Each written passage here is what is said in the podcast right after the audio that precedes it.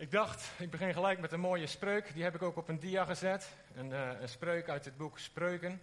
Net als de opa, die net ook een mooie spreuk daaruit aanhaalde. En in Spreuken staat ook deze tekst. Leer een kind van jongs af aan de juiste weg. En hij zal er niet van afwijken wanneer hij oud geworden is. Het leek me mooi om in het verlengde van ja, dit opdraagfeest eh, samen met jullie ja, te, te spreken of wat gedachten met jullie te delen over opvoeding. En dan opvoeding gerelateerd vanuit eh, de Bijbel. Ik dacht opvoeding, ja dat is een thema, daar hebben wij allemaal mee te maken. Allemaal. We gaan allemaal gaan we om met kinderen. Onze eigen kinderen, onze kleinkinderen. We zagen net onze achterkleinkinderen, onze neefjes, onze nichtjes. Misschien ben je actief in het kinder- en jeugdwerk, hier in de kerk of buiten de kerk. En dan komen vanzelf die vragen die komen naar boven. Opvoeden, ja, hoe doe je dat? Of wat is jouw visie op opvoeden? Of hoe help je nou kleine kinderen groot te worden? Of beter nog, hoe help je ze volwassen te worden? Mijn ervaring is dat we daar veel te weinig over praten met elkaar. Ondanks dat het een ontzettend grote verantwoordelijkheid is van ons allemaal. Weet je, baby's verwekken en baby's krijgen, dat gaat over het algemeen, gaat dat mensen heel makkelijk af. Daarmee is het zeker niet vanzelfsprekend. Maar iemand die zei is, om te gaan vissen, dan heb je nog een vergunning nodig. Er zijn allerlei dingen hier, pietluttigheden in het land, daar moet je een diploma voor halen. Maar opvoeden, ja, daar kan iedereen zomaar aan beginnen. Weet je, kinderen verwekken, dat gebeurt in een moment. Een zwangerschap duurt negen maanden. De geboorte duurt meestal één dag. Maar opvoeden, dat duurt een leven lang. Als je papa of mama bent, ja, zit allemaal een beetje te gniffelen, maar goed, zo is het hè jongens. Kinderen, eh, wat zeg ik, als je papa of mama bent, dan is het je grootste en je eerste verantwoordelijkheid om je kind of je kinderen op te voeden. Een splinter, nieuw leven, wat door God aan ouders, aan jullie wordt toevertrouwd. En dat is een ontzettend groot voorrecht. Wauw, wat een voorrecht. Maar tegelijkertijd ook een ontzettend grote verantwoordelijkheid. En vandaag heb ik boven mijn boodschap heb ik de titel geschreven: Wie is het? Wie is het? Wie is het? Dat is ook een spelletje. Wij hebben dat spelletje, dat hebben we recent thuis weer gekocht. Jullie kennen dat misschien ook wel. Dan zit je voor zo'n bak met allemaal gezichtjes. En de tegenstander ook. En dan trek je een gezichtje uit de pot. En dan moet die ander die moet raden uh, welk gezichtje heeft de ander getrokken. En je stelt dan allerlei vragen van uh, wat is de kleur van het haar? Welke ogen zijn het? Is die zwart? Is die wit? Heeft hij een bril? En degene die het eerst raadt wie de ander heeft, nou die heeft dat spelletje natuurlijk gewonnen. En wij doen dat ook altijd met baby's. Als er een baby geboren wordt, dan ligt hij in de wieg. En dan komt de hele familie, opa, oma, vrienden. En ze kijken allemaal in die wieg. En dan wordt er gekeken naar, ja natuurlijk naar die hele baby. Maar we kijken naar de neus, de ogen, de oren en de mond. En we vergelijken dat. Hé, hey, die is van opa. Hé, hey, uh, van papa. Heeft de neus van Arjan. En zo wordt alles vergeleken. En proberen wij wat te ontdekken al over de identiteit van dat kind. De ontdekkingstocht naar de identiteit begint dan al. En dat gaat in eerste instantie over de uiterlijke identiteit, over hoe iemand eruit ziet. Maar er zit ook nog zoveel binnenin een kind. Welk karakter heeft ons kind? Welke gaven en talenten zijn er in het kind verborgen? Welk temperament zit er in onze zoon of dochter? Jan die zei het net ook al. Ieder kind is uniek. Ieder kind is uniek. Ieder kind heeft een unieke, echte ik. En die unieke ik, die maak je niet, maar die ontdek je. Die ontdek je als ouders. Ik geloof dat het onze taak is als ouders en als opvoeders om die uniciteit, die uniekheid te ontdekken als eerste, dan te respecteren en daarna te helpen ontwikkelen. Ik geloof dat de uitdaging voor ons als ouders is om datgene wat God in je kind gelegd heeft, om dat tot bloei te laten komen. De kunst is om kinderen niet te vormen naar jouw eigen beeld, maar naar het beeld wat God in jouw kind heeft gelegd. Iedereen wordt uniek geboren, maar velen sterven als een kopie. Een kopie van hun ouders, een kopie van vrienden, popsterren, voetballers of wie dan ook. Maar ik denk dat wij onze kinderen mogen en moeten leren om zichzelf te zijn.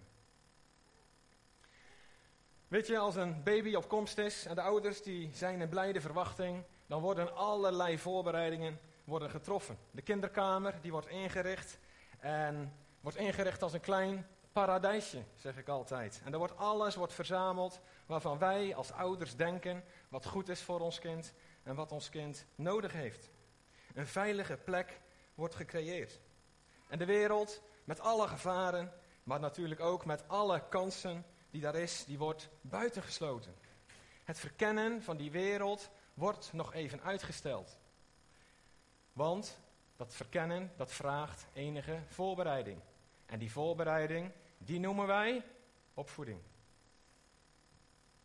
Ik stel mezelf altijd voor dat als ik, zeg maar vanuit Bijbels perspectief, eh, naar de geboorte van een nieuw leven kijk, dan ehm, iedere keer wanneer God, wanneer er zo'n nieuw leven ontstaat, dan spreekt God als het ware, er zij licht.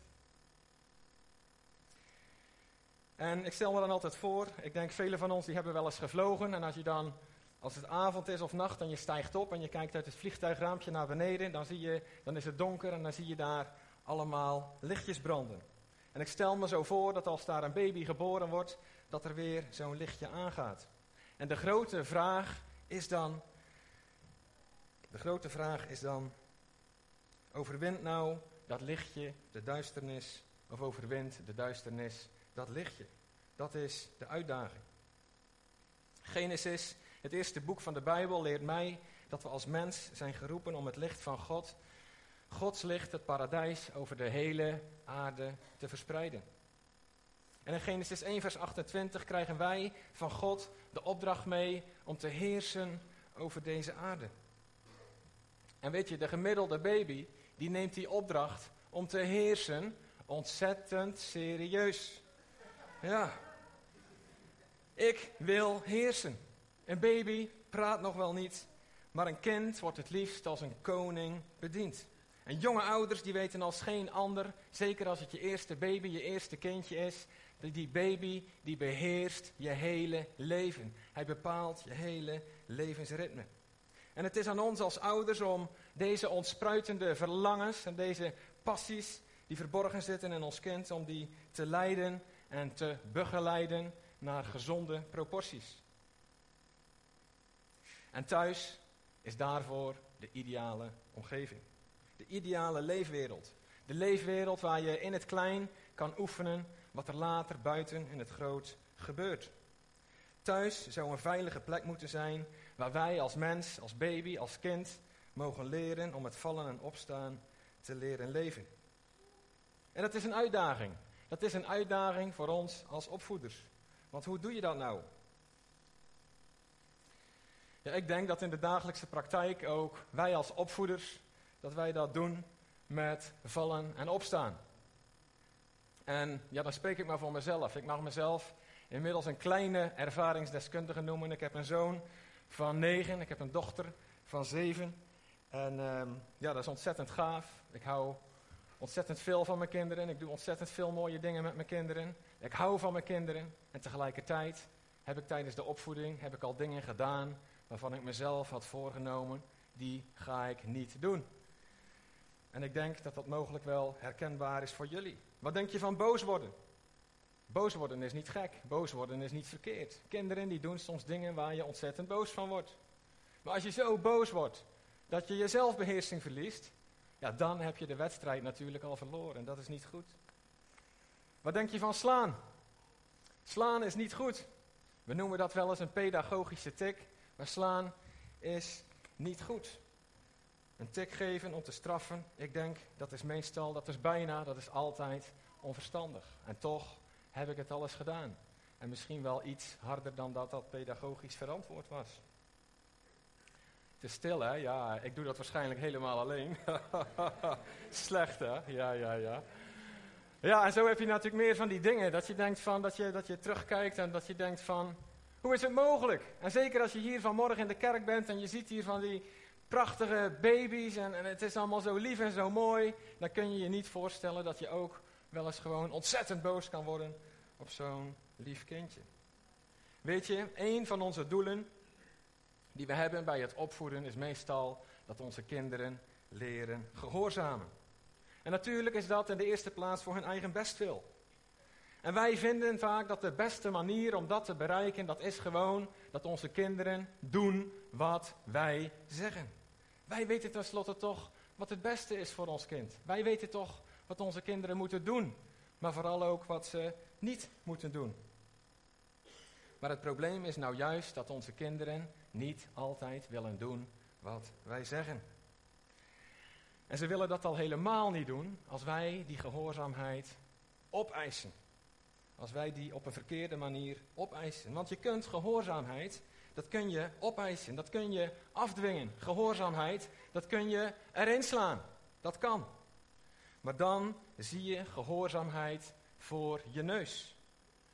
Je denkt, wat een gehoorzaam kind, maar zodra je weg bent, zodra het toeziend oog weg is, dan zeggen ze, als de kat van huis is, dan dansen de muizen. Dan is het gedaan met de gehoorzaamheid. En dat is niet de gehoorzaamheid die je wil. Dat is niet de gehoorzaamheid waar je naar verlangt.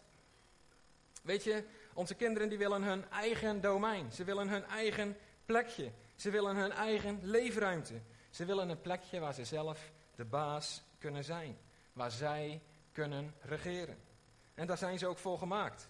Een ruimte waar ze zelf besluiten mogen nemen. En ik geloof dat wij onze kinderen die ruimte ook moeten geven en die ruimte ook moeten gunnen. Steeds meer ruimte en steeds meer vrijheid. Wij mogen onze kinderen stapje voor stapje leren om te gaan met vrijheid. En geef je die ruimte niet, dan komt er oorlog. Dan komt er oorlog. Dan zal de vrijheid bevochten worden. Vrijheid wordt altijd bevochten en onze kinderen die beginnen daar al jong mee. Weet je, het is net als dat je je kind leert fietsen. Eerst geef je ze een driewieler, daarna krijgen ze een loopfiets, dan krijgen ze zo'n fietsje met pedalen en met van die zijwieltjes. Op een dag gaan de zijwieltjes eraf, dan rent papa die rent mee naast de fiets. En dan mag papa alleen nog toekijken en opeens zeggen ze, dag papa, en weg. Weg fietsen ze. En dan denk je, wow, je bent trots en tegelijkertijd denk je, zijn ze er al aan toe? Kunnen ze die vrijheid al in? En je roept nog, hey, verkeer van rechts heeft voorrang en, en allemaal dat soort adviezen, maar je kind is weg. Klaar voor de vrijheid. Ja, zijn ze al klaar. Zo gaat het ook in het echte leven. Zoals we onze kinderen leren fietsen, zo moeten we onze kinderen stap voor stap voorbereiden op de vrije wereld om ons heen. Een wereld waar alles kan. Een wereld waar de mogelijkheden onbeperkt zijn. Een wereld waar zelfbeheersing en zelfdiscipline noodzakelijk zijn om goed te leven en om te overleven. En Jan zei het net ook al, dat vraagt om wijsheid. Wijsheid, dat vraagt om een keuze.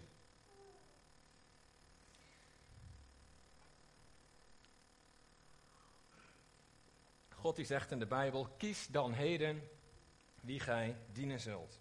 De ene keuze brengt zegen voort, de andere keuze vloek. De ene keuze brengt leven voort, de andere keuze dood. En het is vandaag de dag, is dat nog steeds zo. Wat je zaait, dat zal je oogsten. Dat moeten wij als opvoeders eerst zelf leren en daarna mogen we dat doorgeven aan onze kinderen. Zaai je liefde, dan oogst je liefde. Zaai je haat, dan oogst je haat. Zaai je veroordeling, dan oogst je veroordeling. Keuzes hebben altijd, altijd consequenties. Zelfs Adam en Eva, die moesten al keuzes maken. Eet ik van de boom van het leven of eet ik van de boom van de dood? En Adam en Eva, die maakten een fout. En onze kinderen, die maken ook fouten. En hoe ga je daarmee om? Simpel toch? Straf. Een beetje angst toedienen, een beetje pijn toedienen. En dan leren ze het wel. Wie niet horen wil, die moet maar voelen. God gaf Adam en Eva toch ook straf? Ja, is dat zo? Is dat zo? Ik denk namelijk van niet. Ik denk namelijk van niet. De duivel, die kreeg straf. Maar Adam en Eva, die moesten verder leven met de consequenties van hun keuze. En dat is wat anders. Dat is wat anders dan straf. Consequenties zijn, de consequenties waren niet leuk, maar het was geen straf. God had van tevoren als een liefdevolle vader tegen Adam en Eva gezegd: Doe dat nou niet, want dan ga je dood. Net als dat wij onze kinderen zo vaak waarschuwen: Doe dat nou niet, want dat doet zeer. Doe dat nou niet, want dan gebeurt dit. Doe dat nou niet, want dan gebeurt dat.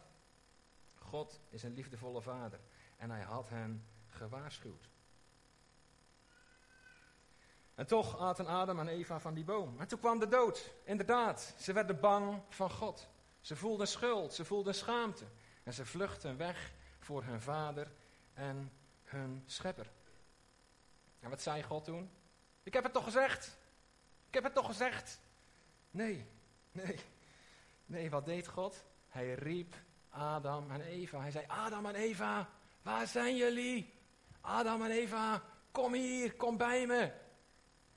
Maar Adam en Eva, die waren bang. Adam en Eva, die verstopten zich in de bosjes. En ze dachten van ja, ja, zullen we dat wel doen?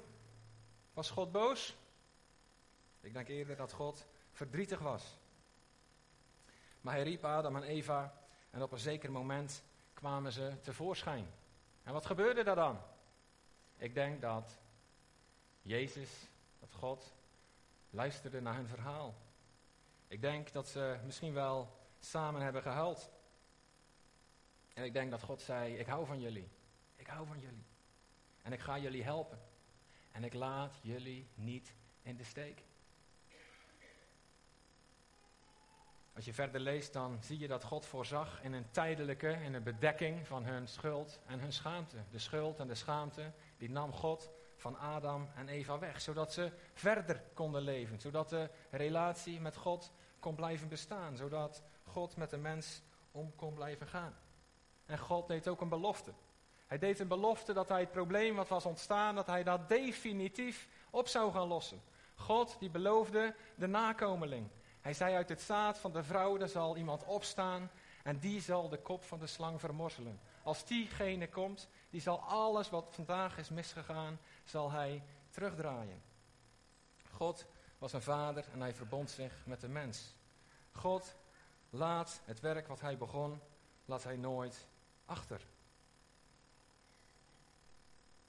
En wat kunnen wij hiervan nou leren vanuit het perspectief van opvoeding? Nou, stel jezelf de vraag eens: welke, wat voor opvoeder wil jij zijn? Hoe wil jij reageren op de fouten van je kinderen? Wil je dat als ze een fout maken, dat ze naar je toe komen rennen en dat ze zeggen: Ik heb een fout gemaakt. Papa, mama, Piet, Klaas, Jan, ik heb een fout gemaakt. Wil je me helpen? Wil je me helpen om die fout op te lossen? Of wil je dat ze bang zijn, dat ze angstig zijn, dat ze zich verstoppen voor jou? Dat ze zich door schuld en schaamte, dat ze je niet meer aandurven kijken. Dat ze ineenkrimpen van angst omdat ze bang zijn voor straf. Dat ze niet terug naar huis durven komen omdat ze bang zijn voor jou. Wie wil je zijn? En in Johannes staat, in Johannes 4, vers 18 tot 19, daar staat: Er is in de liefde geen vrees, maar volmaakte liefde drijft de vrees uit. Want vrees houdt verband met straf. En wie vreest, is niet volmaakt in de liefde. Wat voor opvoeder wil jij zijn? De Bijbel die leert ons dat liefde de sleutel is om het hart van de ander te bereiken. Dus ook het hart van onze kinderen. En waar liefde is, zegt deze Bijbeltekst, waar liefde is, daar is geen angst. Daar is geen angst. Waar liefde, als de liefde een persoon is, waar liefde het huis binnenkomt, daar moet angst het huis uit. Daar moet angst het huis verlaten. Liefde en angst, dat zijn twee tegenpolen. Die kunnen niet samen bestaan. Ze zijn als water en olie. Ze mengen niet. En wat voelt jouw kind als jij binnenkomt? Wat voelt jouw kind als het iets verkeerds heeft gedaan en jij komt erbij? Voelt je kind dan liefde of voelt je kind dan angst? God, onze Vader in de hemel, is een liefdevolle Vader. Hij is volmaakt in de liefde. En hij nodigt ons allemaal uit om bij Hem te komen en ons verhaal aan Hem te doen. Alles, het hele verhaal, inclusief alle mislukkingen, helemaal naakt voor God. Daar nodigt God ons vooruit. En wie durft dat? En als je die gedachte toelaat, wat roept dat dan bij je op? Angst of liefde? God, onze Vader, nodigt ons uit. En hij is een God van volmaakte liefde. Adam en Eva. Adam en Eva, die maakten de verkeerde keuze. En toen ze dat deden, toen doen ze iets, toen deden ze daarna iets wat wij ook zo vaak doen. Ze projecteerden hun eigen onvolmaaktheid op God, op God de Vader. Nu ze zelf een verkeerde keuze hadden gemaakt, besloeg opeens hun bril. Opeens kregen ze staar op hun ogen. En ze zagen het allemaal niet meer zo scherp. Hun blik werd vertroebeld. Door de misstap die ze hadden gemaakt, wat we ook al zonde noemen, kwam er een bedekking over hun denken. Er kwam een sluier over hun hoofd. En ze zagen het niet meer scherp. En ze durfden niet meer tevoorschijn te komen om Jezus recht in de ogen te kijken. En ze waren daar en ze zaten verstopt. Maar uiteindelijk besloten ze dan toch om tevoorschijn te komen. Naar Jezus toe, die daar ook was. En toen ze Jezus in de ogen keken, uiteindelijk, wat denk je toen dat ze zagen? Liefde, volmaakte liefde. Want God is volmaakte liefde. Weet je, veel te vaak wordt nog gedacht door ons, onvolmaakte mensen, dat intimidatie en straf het enige instrument is om onze kinderen op het rechte pad te houden. We zeggen dan, als jij dit niet doet en als jij dat niet doet, dan doe ik dat. En hoe meer ze doen, hoe groter de straf wordt. Dat zal je leren. Weet je, in straf als opvoedmiddel zit de overtuiging dat de mens alleen maar wat kan leren van pijn en lijden. En ik geloof dat dat niet de weg is van God. Het kan een weg zijn die de mens kiest, als hij niet luistert, maar het is niet de weg van God. God strafte Adam en Eva niet, maar hij liet ze de consequenties van hun keuze ervaren. En hij hield ze ook niet van hen weg. En dat is wat wij ook kunnen doen. Samen met onze kinderen de consequenties van hun keuzes onder ogen zien. Onze kinderen niet veroordelen, maar onze kinderen hulp aanbieden. En heel veel liefde zaaien in het hart van ons kind. Niet onze kinderen op laten groeien in een foutloze omgeving. Een plek waar we ze beschermen, waar helemaal niets fout kan gaan. Maar juist ook onze kinderen fouten leren maken en fouten leren oplossen. Ik moest even denken aan mijn zoon. Dat was een paar weken terug, kwam hij thuis. Komt mijn zoon, die komt binnen en hij zit op de bank. En niet snel daarna kwam er een berichtje binnen van zijn, de ouders van zijn vriendje, een paar huizen verderop. Ja, ja, wat is er nou gebeurd? Um, ja, Joas die had, mijn zoon, die had hele gemene dingen gezegd tegen hun zoon. En uh, ja, dat kan toch niet en dat mag toch niet. En of die even langs wil komen om zijn excuses aan te bieden. Ja, wat is er dan gebeurd? En nou ja, goed, hij had inderdaad hele lelijke dingen gezegd. Dus wij naar Joas toe. Joas, wat is er gebeurd? Ja, goed dat ik heb dat gedaan. Nou ja, als je dat hebt gedaan, dat is niet goed. Dan moet je, ja, moet je excuses aan gaan bieden.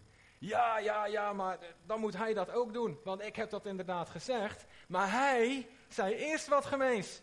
En ja, toen heb ik iets nog gemeeners gezegd. En uh, ja, hoe, uh, hoe los je dat dan op? Ik zeg, ja, als jij ervoor kiest om, om, om die dingen te zeggen, dan, dan moet je dat ook oplossen. En heel vaak denken wij dan als ouders, wij gaan dat oplossen. Ik ga nu met jou mee naar het huis van je vriend en dan gaan wij dat oplossen. Maar opeens hadden we denk ik een heldere inval en we zeiden, ja wacht even, hij is negen. Hij kan zijn eigen problemen oplossen. Het is niet ons probleem, het is het probleem van onze zoon. En daarom is natuurlijk stiekem ook wel een beetje ons probleem. Maar we moeten leren om het probleem te laten daar waar het is. Dus we zeiden tegen de ouders van zijn vriend: stuur jullie zomaar naar buiten, dat doen wij ook. En dan gaan de jongens gaan dat oplossen.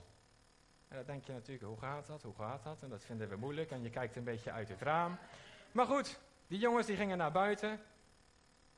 Het was in een minuut was het opgelost. En volgens mij waren ze drie minuten later waren ze weer de beste vrienden. En dat is in het klein wat we ook in het groot moeten doen. We moeten leren om in het klein onze problemen op te lossen, zodat we dat ook kunnen als we het later groot zijn. Liefde is de sleutel voor een goede opvoeding. En ja, ik weet het, de Bijbel zegt soms ook tuchtiging, maar tuchtiging is wat anders als straf. Straf is sturen door middel van geweld, intimidatie en angst. Weet je, op een dag kwamen de fariseeën, die kwamen bij Jezus en ze vroegen aan hem, welke wet, welke regel is nu het allerbelangrijkste? En Jezus die gaf het gebod van de liefde. Hij zei, God de Vader, liefhebben boven alles en je naaste als jezelf. God die plaatste relatie, God die plaatste de liefde boven de regels. Weet je, God de Vader die is eerst geïnteresseerd in de liefde en daarna in gehoorzaamheid. Want als er liefde is, dan volgt gehoorzaamheid vanzelf. Weet je, als je als ouders geen veilige of liefdevolle omgeving creëert, dan kan je zomaar overkomen wat deze vader, waar ik dadelijk wat over ga lezen, overkwam. Hij vond een brief van zijn zoon op de keukentafel.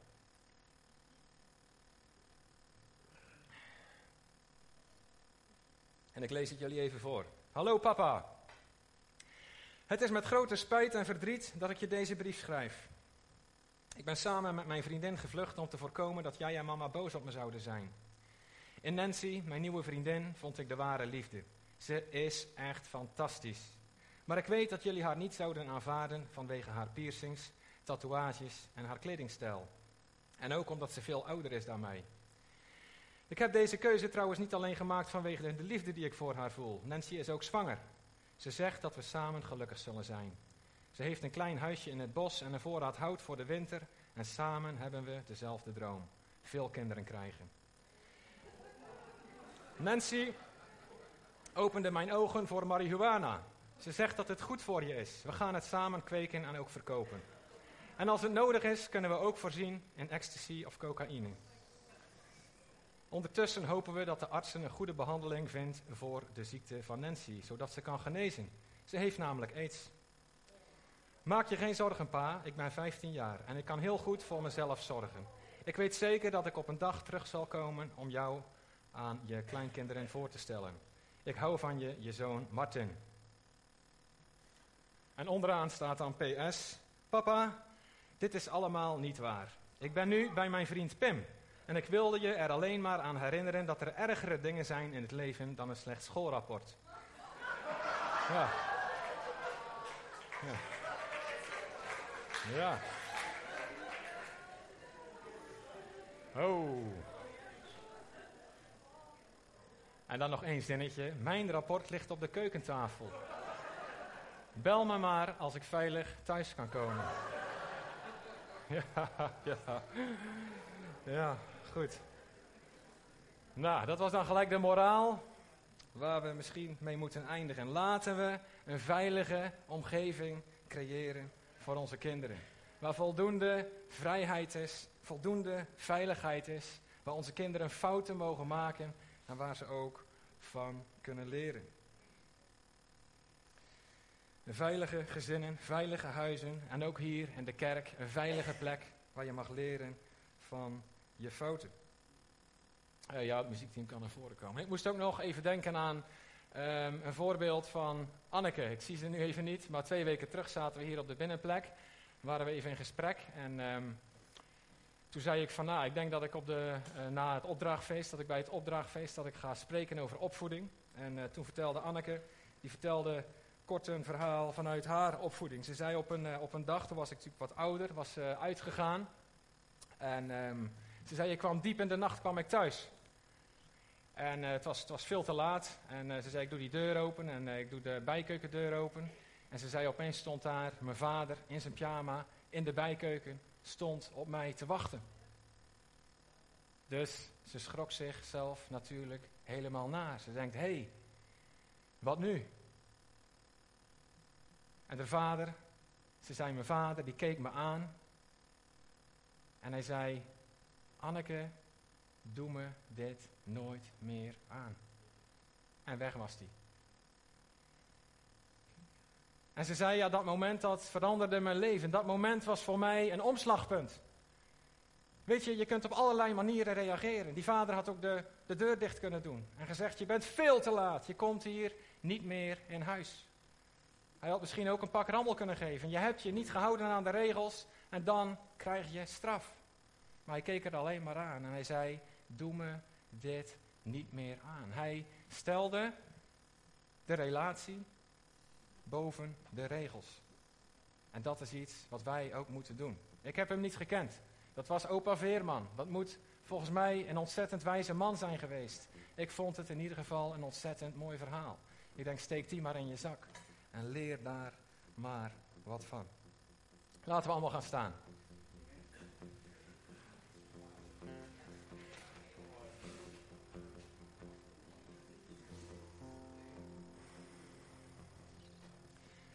Weet je, ik moest vanmorgen moest ik opeens nog denken aan de tekst uit Matthäus 7. Eh, Daar staat, als uw zoon om een brood vraagt, geeft u het dan een steen. Of als uw zoon om een vis vraagt, geeft u het dan een schorpioen. Nee, zei Jezus, ook al bent u slecht, u geeft uw kinderen wat goed is.